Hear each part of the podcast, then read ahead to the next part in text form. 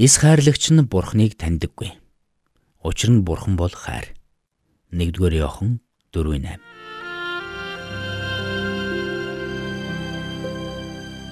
Мэргэний сонсог, мэдлэгийн тэлэг. Ухаалх нь мэрэгэн өдөр төмжийг мөн авах. Доктор Харалт цаалогийн мэрэгэн зөвлөмж нэвтрүүлэг.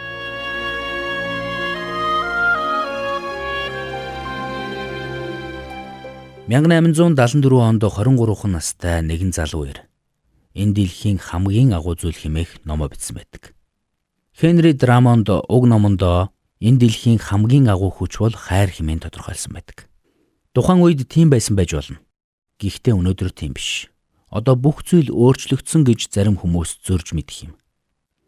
Мэдээж өнөөдөр олон зүйл өөрчлөгдсөн. Гэхдээ бид хайр өнөөдөр ч хүчтэй хിവэрэ байгаа эсхийг сайтар эргцүүлэн бодвол маш олон зүйл өөр өнцгөөс харагдах болно гэдэгт би итгэлтэй байна. Өнөө үед хүмүүс бид э, техник технологийн хөгжил дэвшил, сансар судлал, цөмийн энергийн асуудлаар амьсгалж байна.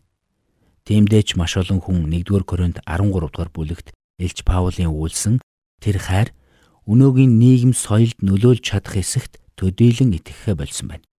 Гэхдээ нөгөөтөөгөр цөөнгөө хүмүүс өнөөдөр дэлхийн ертөнцид хамгийн ихээр дутагдж байгаа, хамгийн их хэрэгтэй байгаа зүйл бол хайр гэдэгтээ санал нийлсэн хэвээрээ байна. Тэгвэл энэ үнэхээр үнэн гэж юу? Үнэхээр бид бусдыг үзен ятгаа зогсоож дахин хайрлаж чадна гэж юу? Тэгэд үнэхээр энэ нь бидний амьдарч байгаа дэлхийн ертөнцийг өөрчилж чадна гэж юу? Энэ бүх асуултад хариулт өгөхийн тулд би хид хідэн хүнийг иш татмаар байна. Тэдний эхнийх нь атеист үзэлт философч Бернард Рассел юм. Хүйтэн дайны үеэр Британд зохион байгуулж байсан бөмбөг дэслийн урайтай жагсаалаар алдарсан тэрээр Колумбийн их сургууль тавьсан нэгэн ихтгэлдээ ийхүү хэлсэн байдаг. Өнөөдөр бидэнд тулгараад байгаа асуудлын үндэс нь маш энгийн ойлгомжтой юм. Хитрхийн энгийн учраас би үүнийг ил шулуун хэлэхээс ч санаа зовж байна. Учир нь үүнийг сонсоод олон хүн намайг шоолон инех байх. Гэсэн ч би хэлье. Энэ бол хайр юм. Зүгээр ч нэг хайр биш, Христ ч хайр юм. Хэрвээ та үүнийг мэдрэх юм бол таны амьдрал утга учиртай, таны үйлдэл зоригтой, таны зориг шалтгаантай болж хувирах болно гэсэн байдаг.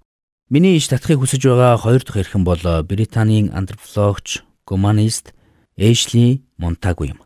Тэрээр энэ дэлхийн ертөнцийг өөрөө өөрийгөө устгахаас нь сэргийлж чадах цорын ганц хүч бол хайр хэмээн онцлсан байдаг.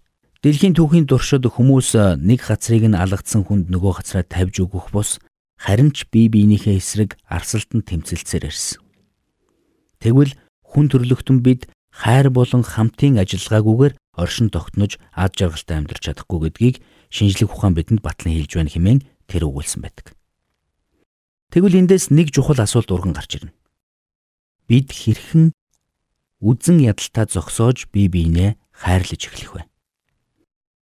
Атеист философч Бернард Рассел энэ асуултын хариултыг Христч хайр хэмээн тодорхойлсон байна.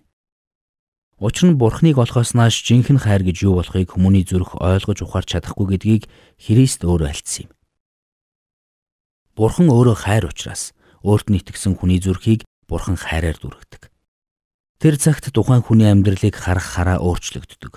Тиймээс ч хэрвээ хэн нэгэн хүн Христ дотор байгаа бол тэр хүн шин бүтээл болсон гэдгийг Илч Паул батлан хэлсэн байдаг. Тэгвэл би танаас нэг асуулт асууя. Өнөөдөр танд ямар асуудал тулгараад байна вэ? Тэр асуудлыг чинь хайр шийдэх болно. Ажлын газар дээр хүмүүсээ айл гөршийнхөө гэр бүлийнхнийгээ хайрл. Хэдийгээр тэд хайр татам хүмүүс биш байж болох ч тэднийг хайрл. Ингэхдээ юуны төрөнд өөрөөсөө эхэл. Танд бусдыг хайрлахад Бурхны тусалцаа хэрэгтэй гэдгийг хүлээн зөвшөөр. Тэгээд зүрхэн чинь нутаглахыг Бурханаас гуй. Таны дотор байгаа нүгэлт мөн чанар хайрыг биш үзен ядалтыг төрүүлж байгааг ухаар. Алимны мод нимбэг ургуулдаггүй. Эрдэн шиш тариад манжин хураадаггүй.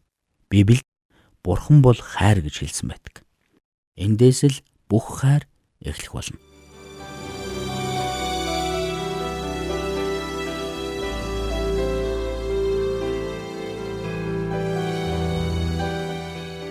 Мэргэн нэгнийг дагвал мэргэн Мулгуутай нөхөрлөл хорлол.